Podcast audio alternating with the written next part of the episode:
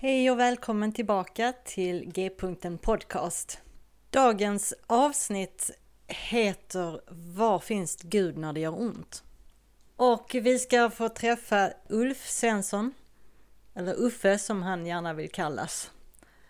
Och eh, jag har ett samtal med honom om hans erfarenheter av när livet helt och hållet går sönder och var man kan finna, var han kunde finna Gud mitt i allt det. Så ehm, om du tycker om det här avsnittet så dela gärna med dig av det på dina sociala medier eller till dina vänner. Och jag låter oss inte dröja längre utan vi går direkt in på samtalet med Uffe. Välkommen till G-punkten Uffe. Tack så mycket. Vill du eh, presentera dig lite själv för våra lyssnare? Vem du är, vad du gör och lite så? Ja, jag heter Ulf Svensson, är van att kallas Uffe. Eh, har varit pastor och präst sedan 93 eh, och innan det var jag militär eh, och har väl fortfarande kvar lite det militära i mig, höll jag på sig. Eh, är fyrbarnspappa eh, till fyra barn mellan 16 och 25 år. Eh, och är nybliven enkeman, det kommer vi in på senare. Eh. Bor i Aneby sedan 18 år tillbaks. Så jag har bott nästan lika länge här som jag någonsin har bott någon annanstans, alltså där jag föddes och växte upp. Ja, det räcker väl så. Mm. Jättefint. Eh, lite om din eh, historia. Är du uppväxt i en eh, kristen familj och, och, och så? Ehm, vad har du för eh, bakgrund vad det, gäller, eh, vad det gäller tro och kristendom och, och, och så? Eh, jag är uppväxt i en helt vanlig Svenssonfamilj där kyrkan fanns, men lite vid sidan av. Alltså det här typiska att man kanske, man, man värdesätter kyrkan, men man går inte själv dit, så att säga. Eh, och tron fanns inte alls uttalad i mitt hem. Men däremot så kommer jag ihåg att jag bad väldigt, som väldigt liten, eller jag, eh, alltså på något sätt upptäckte jag tron av mig själv, eller att jag kom med i söndagsskolan någon gång och sådär. Men jag var väldigt flurrig som ung, eh, som liten. Och var väl lite överallt och ingenstans. Eh, min pappa hade problem med alkoholen och det gjorde också att det blev ännu flurrigare. Eh, så tron upptäckte jag väl mer på riktigt när jag, när jag var 15, eh, efter att ha varit med i scouterna i Missionskyrkan hemma, som tillhörde Alliansmissionen. Så i UV-scout upptäckte jag mycket av tron som ung och på riktigt när jag var 15. Efter att ha haft ett väldigt tufft eh, högstadie i sjuan och åttan så förvandlades faktiskt mitt liv eh, väldigt mycket till nian. Eh, problemgrejerna på skolan försvann mycket och eh, tron blev på riktigt och, och det stödet som det innebar. En kille i församlingen där där jag upptäckte Jesus, han tog med mig som söndagsskollärare och tog med mig på läger och sådana här grejer. Och det gick rätt snabbt där. Samtidigt så kom NT81 ut och jag slök som 15-åring eh, Nya Testamentet på tre veckor. Ehm, och det satte väl på något sätt agendan lite. Ja. Sen gick jag ju gymnasiet, eh, samhällsvetenskapligt program och hade väl alltid tänkt att jag skulle bli advokat men sen när jag gjorde lumpen så började jag fundera på ungdomsledare och sådär. Men istället för att bli ungdomsledare så fick jag förfrågan om att fortsätta i det militära på officershögskolan. Och tackade nej till ungdomsledarskap och blev istället militär. Mm. Jag tror faktiskt att det var Guds tanke i det, eh, än att fastna i kyrkan så tidigt. Så jag var militär i fem år, eh, men upplevde väl rätt tidigt under den tiden att jag skulle bli pastor eller präst. Så när jag sen skulle börja på bibelskola så hade jag längtat så dit till Koteboskolan så jag var där tror jag klockan åtta på morgonen och uppropet var klockan sju på kvällen. Det var ju internat så att man fick ju inta sitt rum och så, så det var inte det att jag satt, och, satt i någon hall och väntade utan jag, jag intog mitt rum där och jättefantastiskt tro på många sätt men brottades väldigt mycket med min tro. Mm. För man, när man läser teologi och sådär, det blir mycket att man börjar ifrågasätta sig själv och tron och allt möjligt. Så istället för att fortsätta på pastorsutbildningen så sökte jag in till Polishögskolan och kom in. och, eh, och men efter två och en halv månad på Polishögskolan så ja, då bara brast det i mig. Vi var 21 polisaspiranter i en, i en gymnastikhall höll på med greppövningar och sådär. Eh, men inom mig så bara tar det stopp på något sätt och jag börjar gråta. Alltså så här riktiga kalla anka-tårar. Jag bara störtgråter hela dagen sen. Och inser ju att jag ska ju inte vara där, jag ska ju vara på, på Kotebo och läsa till pastor. Mm. Så jag slutar där på studs och åker hem, eh, rätt stukad. Eh, och börja året därpå på andra året och bli sen pastor. Och hade ju funderat då på om jag skulle bli präst istället eftersom frikyrkan inte var självklart för mig på det sättet. Men det var ju ändå där jag hade hittat Jesus och jag tyckte Svenska kyrkans liturgi var konstig och lite teater och sen tyckte jag att de var flummiga i sin teologi och sådär. Men under åren så, så jag var pastor i 18 år och mot slutet av mitt pastors där så började jag känna att, att det var någon, någonting i mig som hade förändrats så att jag började läsa teologi en andra gång och jobbade kvar som pastor men under tiden jag börjat läsa igen så upptäckte jag ju det att jag håller ju på att bli präst. och, eh, och på våren där så får jag väldigt tydligt att, att jag ska sluta, alltså nästan som ett tilltal, att nu ska du sluta som präst och, och jag säger upp mig. Och min fru hade ju på söndagen, där, detta var en tisdag, på söndagen hade hon tänkt att komma upp och säga att han tänker sluta så ska du bara säga att det är okej. Okay. Och hon hade också upplevt det på något sätt samtidigt där och sanktionerade detta. Och sen på sommaren där 2011 så slutade jag som pastor och började läsa till präst, ja 150-200 procent läser jag ett par år där. Så för tio år sedan var det och då blev vi ju aktiva i Svenska kyrkan nästan över en natt också då. Min fru som kyrkvärd och jag som prästkandidat. Ja. Eh, och så prästvigdes jag 2014 och blev präst i Tranås. Så. Nej, men I min vandring där så, så var jag ju, när jag började på Koteboskolan var jag ju lutheran. Eh, för alliansmissionen har ju det här dubbla spåret att man är både baptistiska och lutheraner, alltså det finns båda spåren. För från början var alliansmissionen en inomkyrklig väckelse i Svenska kyrkan men blev ett eget samfund och, och baptismen kom in efter många, många år. Alltså de har ju rötter sedan 1853 baptismen kanske kom in på 20-talet i alliansmissionen. 20-30-talet skulle jag gissa att det är. Eh, men jag var den en av få på skolan som var lutheraner. Så att mm. sen när jag blev pastor kom jag att eh, fundera mycket runt det här med, med det baptistiska dopet och barndopet och blev baptist där en period. Jag tänkte att det är märkligt att man inte själv ska ta sitt beslut. Men sen i min vandring där så blev det så tydligt att nej men, när är man någonsin färdig för att ta emot tron och dopet? Alltså, eh, när jag kom i baptistiska sammanhang där man döpte åttaåring, åttaåringar och sådär så kändes det som att nej men det här det är ju något som inte stämmer för mig. Utan dopet landade än en gång i att, att man kan bara ta emot av nåd. Eh, och barndopet blev rätt självklart eftersom jag är aldrig färdig ändå för att kunna säga ja och ta emot det. Utan mm. jag bara får ta emot av nåd och sen får jag leva i det. Eh, så därför var jag lutheran, baptist och återvände till det lutherska. ja, det, är härligt, det är så härligt med ekumeniken då. Att man faktiskt kan också eh, omfamna mer än bara sitt eget lilla. Ja. Och du och jag, vi träffades i Tranås. Det var ganska... Eh, när, när var det du kom, kom dit?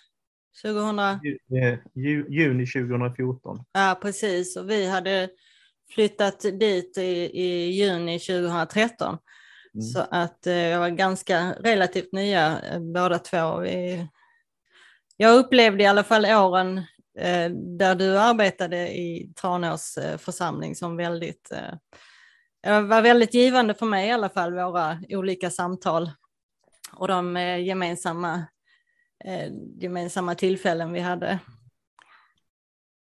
Sen gick du vidare.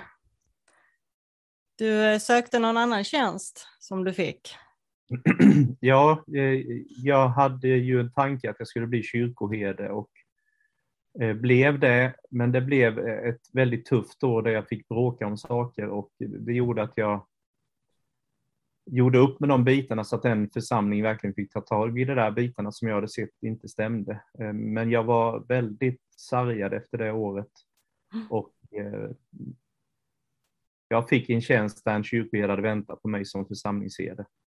Mm. Men jag var väldigt sliten efter det året där det hade tagit jättemycket och jag känner av det fortfarande. Men eh, så att jag kom in i ett nytt arbete som chef igen som, och präst.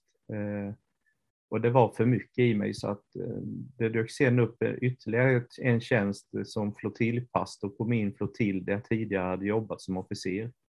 Och det kändes som en livflotte, för, för de här åren hade tagit väldigt mycket på mig.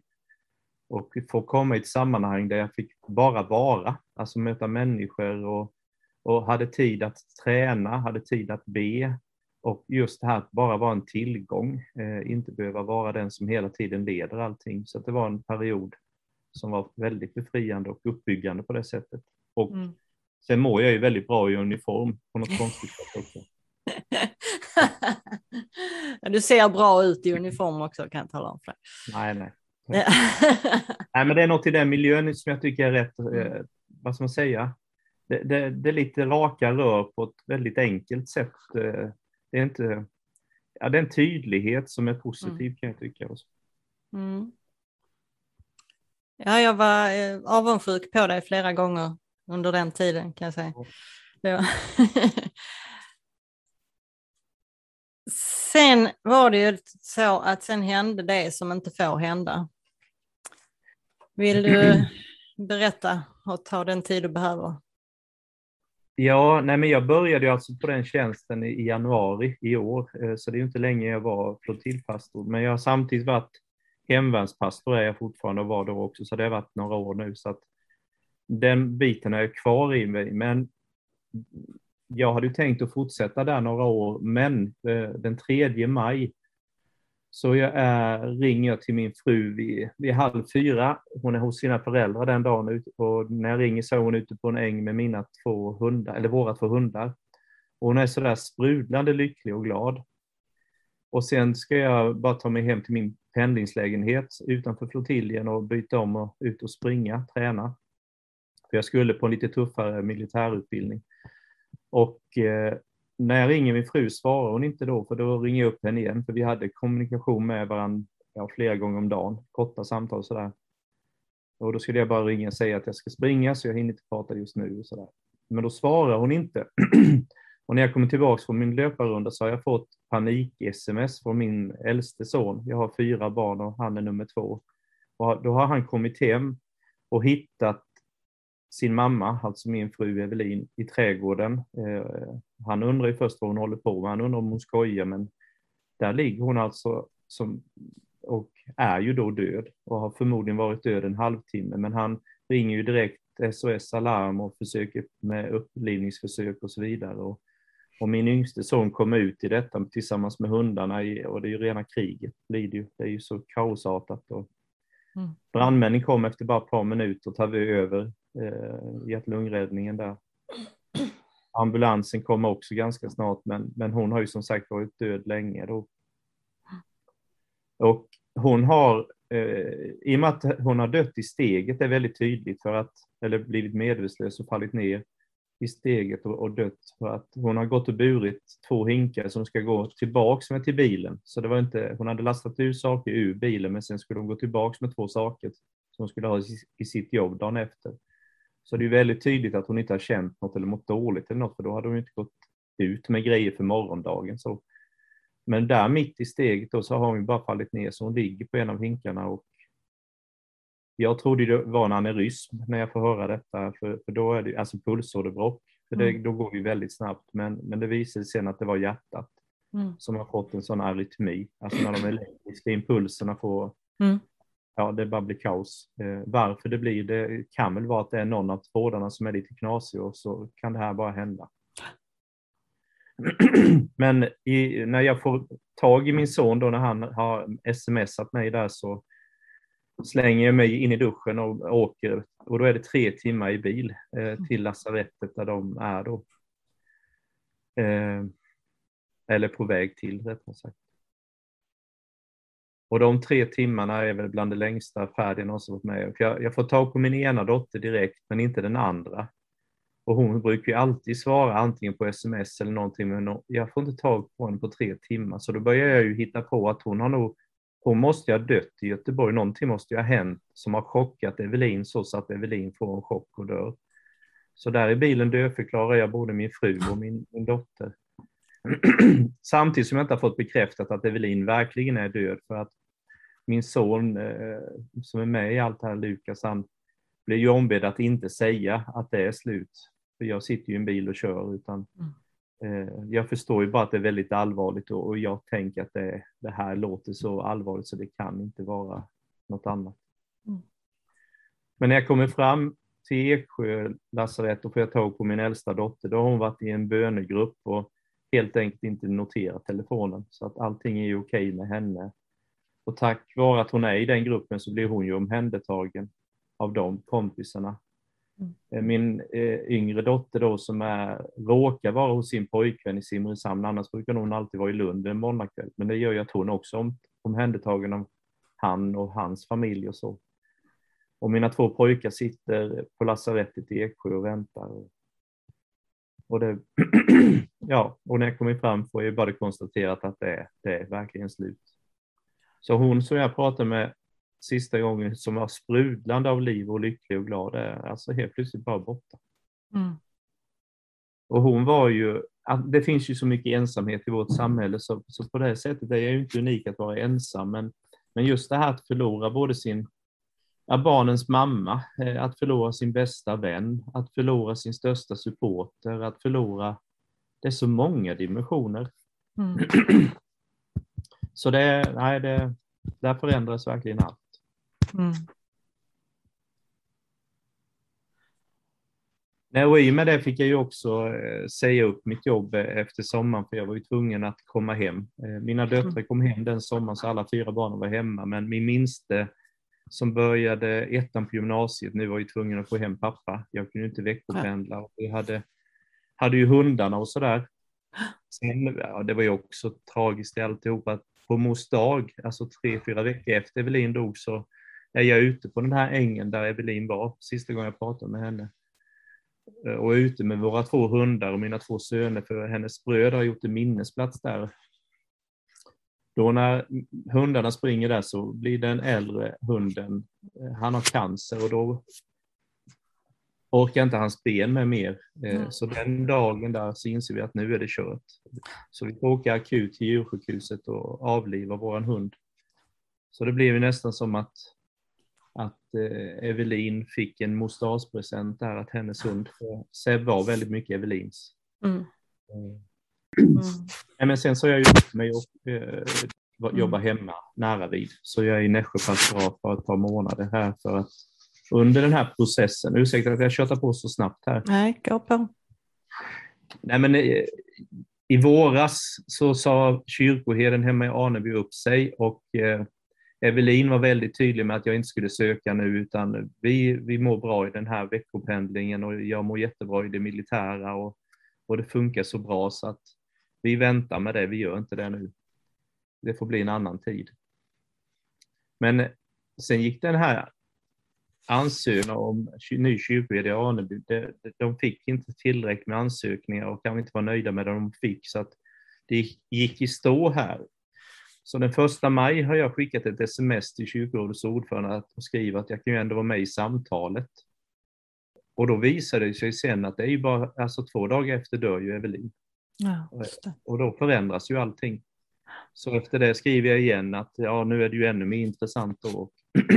Sen börjar den processen, den andra rundan för dem. Och en väldigt gedigen process som slutar i då att jag, jag får den tjänsten och kommer börja som kyrkoherde här hemma i Aneby nu den 15 november. Ja. Så ja. är det. Ja, så då är du hemma i alla fall igen. Ja. Men eh, du har ju varit väldigt ehm, öppen på sociala medier, på Facebook och, och så här om, eh, om Eveline, om allting som sker och, och, och så.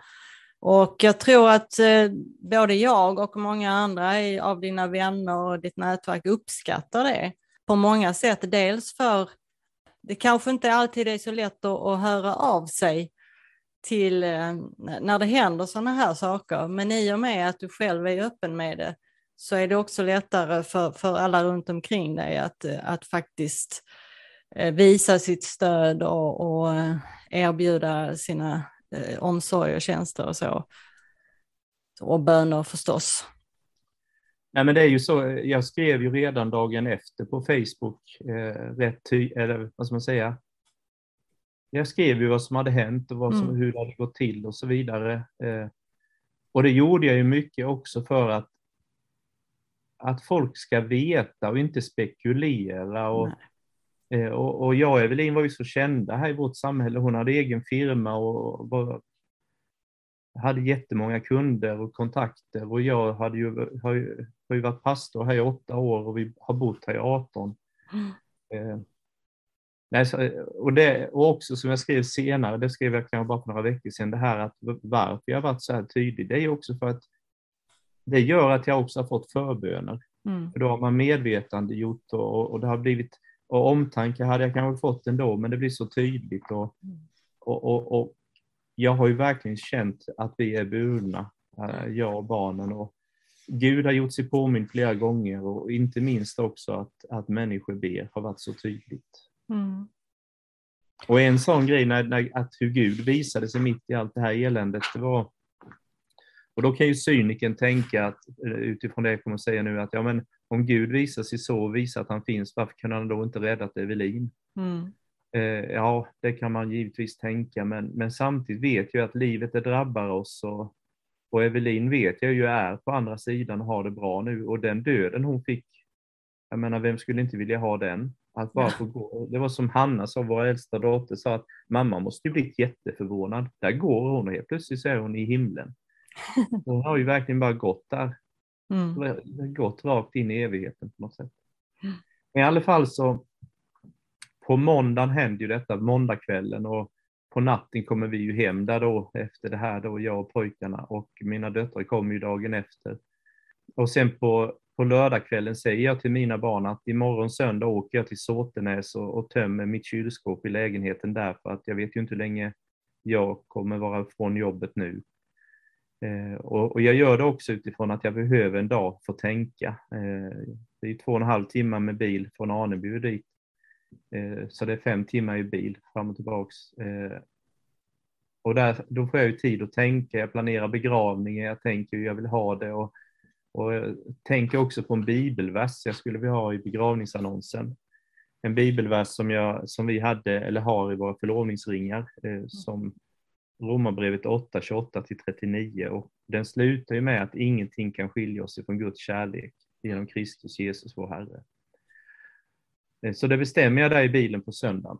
Och när jag kommer hem på, på söndagskvällen där så får jag ett sms från en begravningsentreprenör inte den våran begravningsentreprenör utan en, en kille jag känner ju från Huskvarna-tiden och då hade han fått uppdraget, och det är sånt som bara händer som inte man vet om, då hade han fått uppdraget att hämta Evelins kropp bår eh, ifrån eh, Linköping, för hon var ju på rättsmedicin i och med att hon hade dött hemma måste man ju veta varför hon hade, vad som har hänt. Då hade han fått uppgiften att på fredagen hämta henne därifrån ner till Eksjö lasarett igen, till bårhuset där.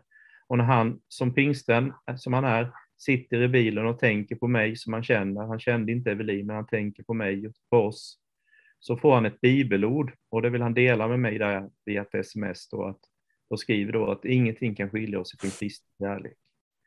Mm. Uh, och jag säger det till mina barn att jag tror det finns 11 500 bibelverser och han prickar rätt. Eh, sen kollade jag upp, det finns 35 800. och han tar, den rätt, alltså han tar den jag har bestämt. Och, så. och just det här att, att det, det sammanhanget, det, det, vad är det som inte kan skilja oss från Guds kärlek? Jo, men det är ju död och så vidare. Alltså det, det är ju allting. Så det blir ju en väldig påminnelse om att, att även om det här har hänt så är Gud nära oss och han är inte nära bara oss här utan han är ju med Evelin där. Mm. För ingenting kan skilja oss från Guds kärlek. Mm. Mm. Nej, men det är en, sån, en av de händelser som har hänt. Eh, en annan sak som, som för mig var fantastisk, och jag ska inte säga att det var ett under, för det hade bara kunnat ske rent mänskligt, men, men det var som ett under för mig, det var ju att när Evelin dog var det många som hörde av sig och undrade om de kunde göra något.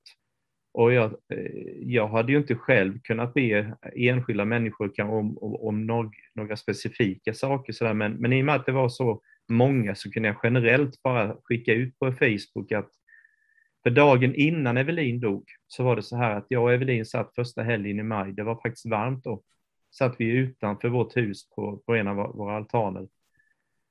Det lät ju lyxigt att säga det, en av, en av våra altaner, i alla fall. Och bestämde då vilken färg vi skulle ha på vårt hus, för vi har behövt måla det några år, det har inte blivit av, men nu var det tvunget att bli.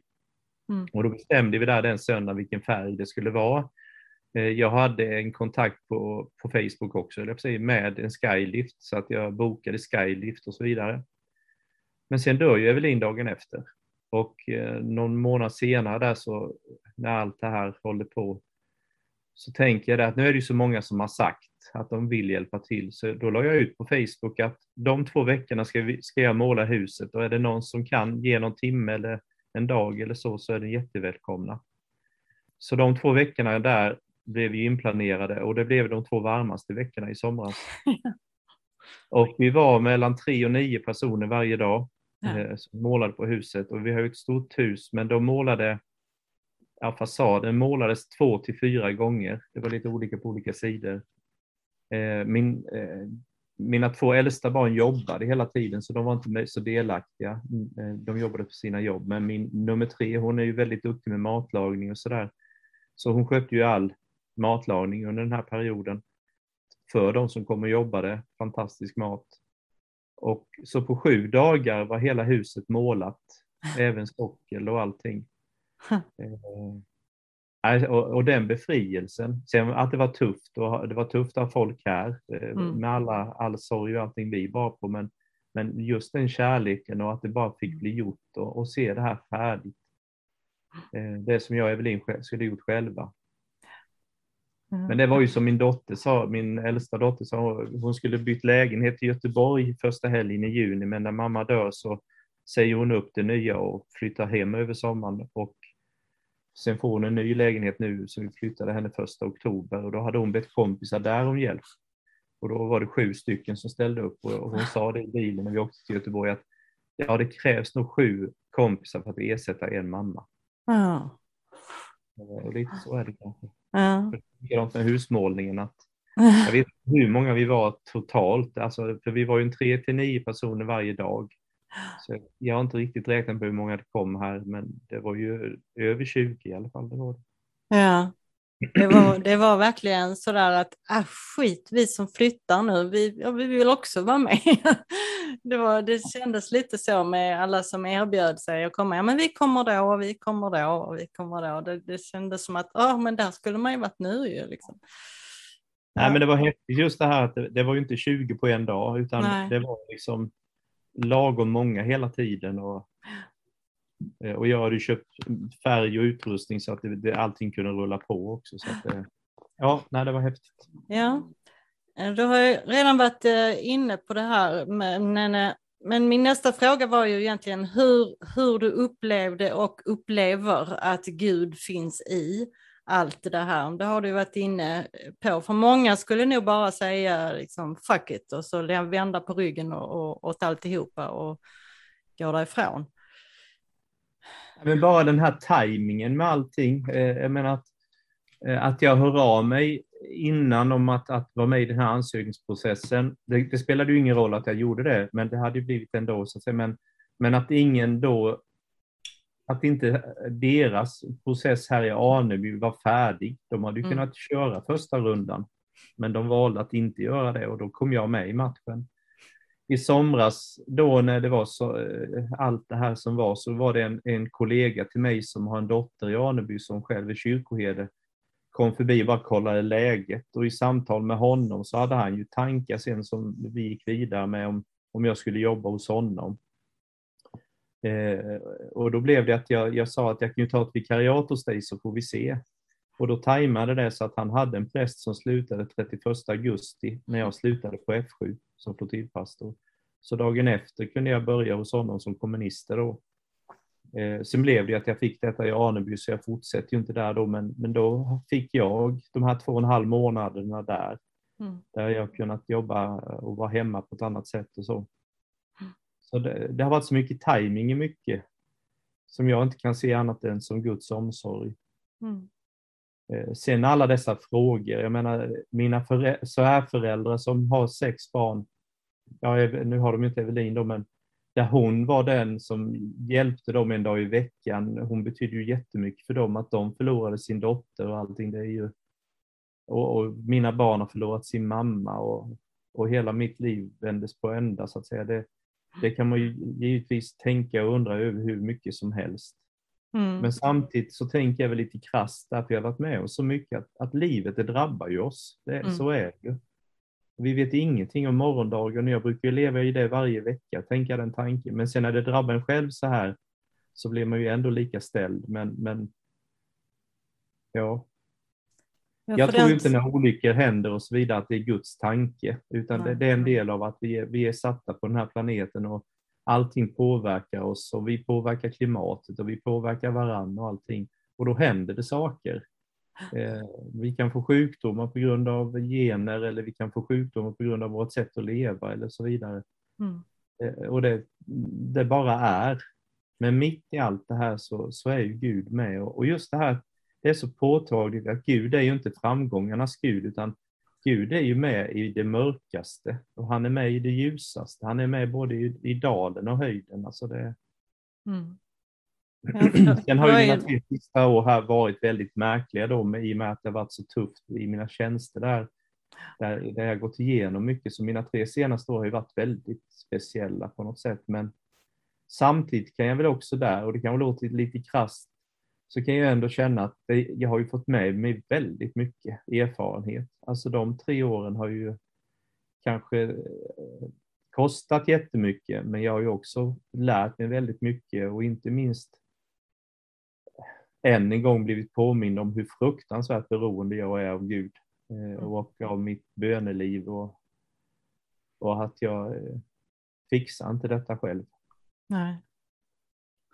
Nej, för den stora frågan är väl, eh, som eh, väldigt många ställer, är var finns Gud när det gör ont? Var finns Gud när livet går sönder?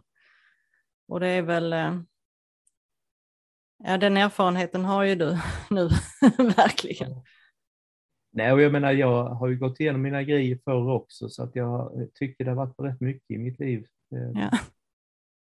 Men samtidigt, det, min, min min bibel som jag läser i alla fall, eh, så är det ju väldigt tydligt att det, jag menar, det är ju en, det är en korsmärkt Gud vi har. Alltså vi har en Gud som offras på ett kors. Mm. Eh, jag tycker det, den tonen sätter ju an allt. Och samtidigt då hur han besegrar döden. Mm.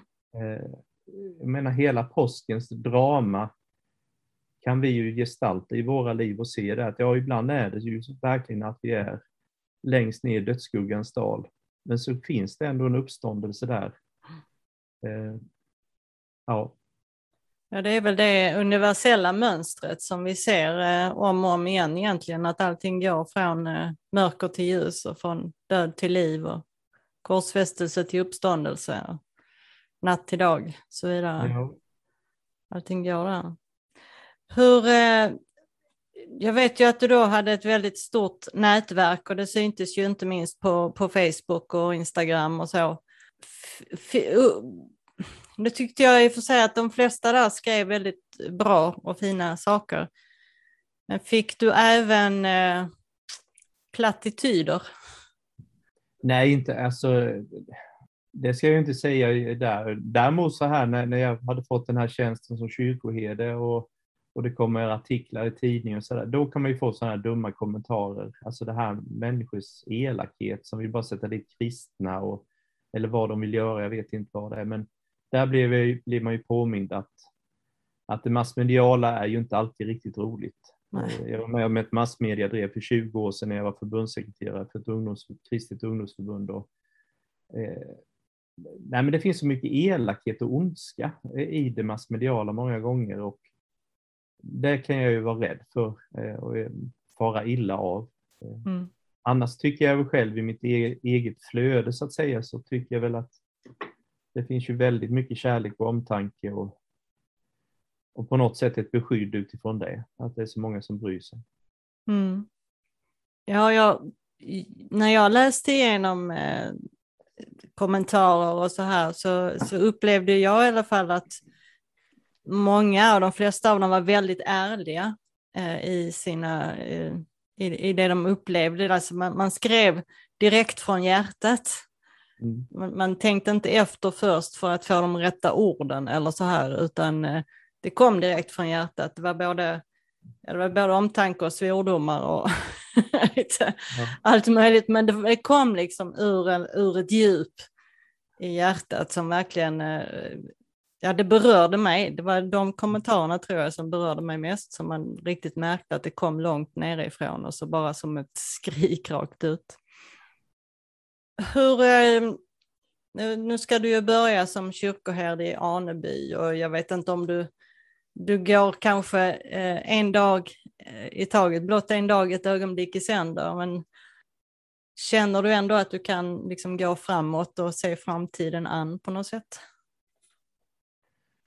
Det känns rätt overkligt mycket. Alltså att, att jag mm. ska börja här om en månad, där jag bott 18 år som kyrkoherde. Det, det känns nästan lite overkligt och svårt att tänka, för det är så mycket som har varit nu som man, det bara händer och man, man är bara med på något, en berg och dalbana ungefär. Eh, men samtidigt så ser jag ju fram emot det och jag, jag, jag har ju längtat länge efter att få vara där jag är. Eh, som pastor jobbade jag ju alltid på plats så att säga, men, men som präst har jag pendlat. Mm. Eh, inte, det behöver inte varit lång pendling eh, inte som, när jag var flottiljpastor, men, men att få vara där man är på ett annat sätt, det ser jag verkligen fram emot. Mm. Sen att det blir tufft, det är en tuff tjänst. Eh, man, jag kommer vara chef över 27 personer, ansvarig för nio kyrkor och så vidare. Oj. Eh, men eh, samtidigt så finns det ju väldigt många goda krafter, många, många goda medarbetare och många ideella och förtroendevalda som, som älskar sin kyrka.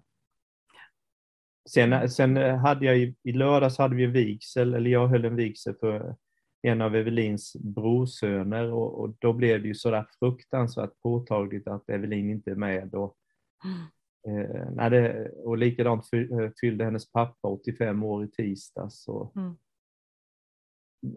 Så den sista veckan har varit så väldigt mycket känslor och väldigt tufft att möta allt det här i en. Eh, så, så visst känner man av att det här kan bli tufft på många sätt. Eh, även på grund av sorgen då så att säga. Men samtidigt har vi, jag och barnen har, vi har ju varandra och det är så tydligt. Jag menar första veckan när Evelin hade dött den präglar, då var vi ju i sån chock så man fattar, och det fattar man ju fortfarande inte fullt ut vad som verkligen har hänt, att hon är borta. Men första veckan var ändå präglad så mycket av tacksamhet. Alltså för mig var nästan ordet tacksamhet mer än sorg, för att det var så tydligt att vi har haft det så bra. Eh, mm. Både i vårt äktenskap men också som familj, alltså som med en fantastisk mamma till mina barn och, just att vi har haft det så bra. Mm. Sen kan ju det göra tvärtom-grejen då i en att det här, ja men nu när vi hade det så bra, varför ska det här då hända? Och sen kan jag bli irriterad på de som skiljer sig, att sköter kan jag ju tänka då. För jag vet ju att, att man måste kunna skilja sig, för ibland funkar det inte och man mår, mår mycket bättre av att skilja sig och så vidare. Men i min sorg jag kan jag nästan bli sådär irriterad ibland, bara tänka att men skärp er, sköt er. Tänk på vad ni har istället. Så här. Och likadant, nu hoppas jag att inte det här hörs av massa människor, men likadant så kan man känna när man möter missbrukare och sådär att du kan leva hur länge som helst trots att du missköter dig så fruktansvärt. Men min fru gick och dog som var, mm. som skötte sig liksom. och jag förstår ju att så ska man ju inte tänka, men, men i min sorg kan jag ibland så reagera på det inom mig. Att, och det är väl den där orättvisan som livet innebär. Mm. Samtidigt som jag vet att det är inte så det funkar. Jag menar det, Nej. Livet drabbar oss alla på olika sätt. Ja, och det har vi ju sett också genom alla tider, i alla fall om vi, vi läser i Bibeln, i Saltaren och på andra ställen hur eh, man får, man får lov att ha de där frågorna och, och skrika ut dem också. Ja. Och så kommer det där sen att ändå så är du där mitt i det mörka hos mig. Ja. Är det någonting du tycker jag har glömt att fråga om det här? Nej, det... jag har ju kört på rätt mycket. Så att jag... ja, det är jättebra. Det, finns, det är väldigt jobbigt när man behöver dra, dra svaren ur folk, så det var jättebra att du vill berätta. Det är, jag tror det finns många människor som lever med sorg på olika sätt och inte kommer vidare.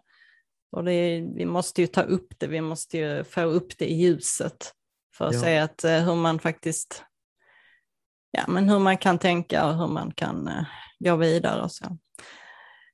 Jag har en fråga som jag eh, frågar alla mina intervjuoffer här på podden. En sista fråga. Och den lyder så här. Var finner du njutning och välbehag just nu? Nej, men det är väl i, i min öronlappsfåtölj, eller jag har flera stycken. Jag, säga. jag har en öronlappsfåtölj som jag har som andaktsfåtölj och jag har en öronlappsfåtölj där jag sitter och kanske tittar på ishockeymatch eller vad det är, jag tittar på någonting på tv. Där jag bara får vara, eh, där jag bara får slappna av så att säga, och lägga allt. För det, det har varit mycket på mina axlar känner jag. Mm. Så, så just nu handlar det nog mer om att bara få hamna i fåtöljen ibland och bara få, få lägga ner. Med en hund i knät kanske? Ja, hen, min hund kommer jag inte undan för hon är väldigt nära. så hon är inte bara i knät utan hon är ofta uppe vid halsen och hon är väldigt nära. Hon vet hur det ska vara. Ja. Mm. Du kanske gärna vill komma tillbaka någon gång till den här podden om ett eh, halvår eller lite längre och se lite hur, det har, hur livet har utvecklat sig.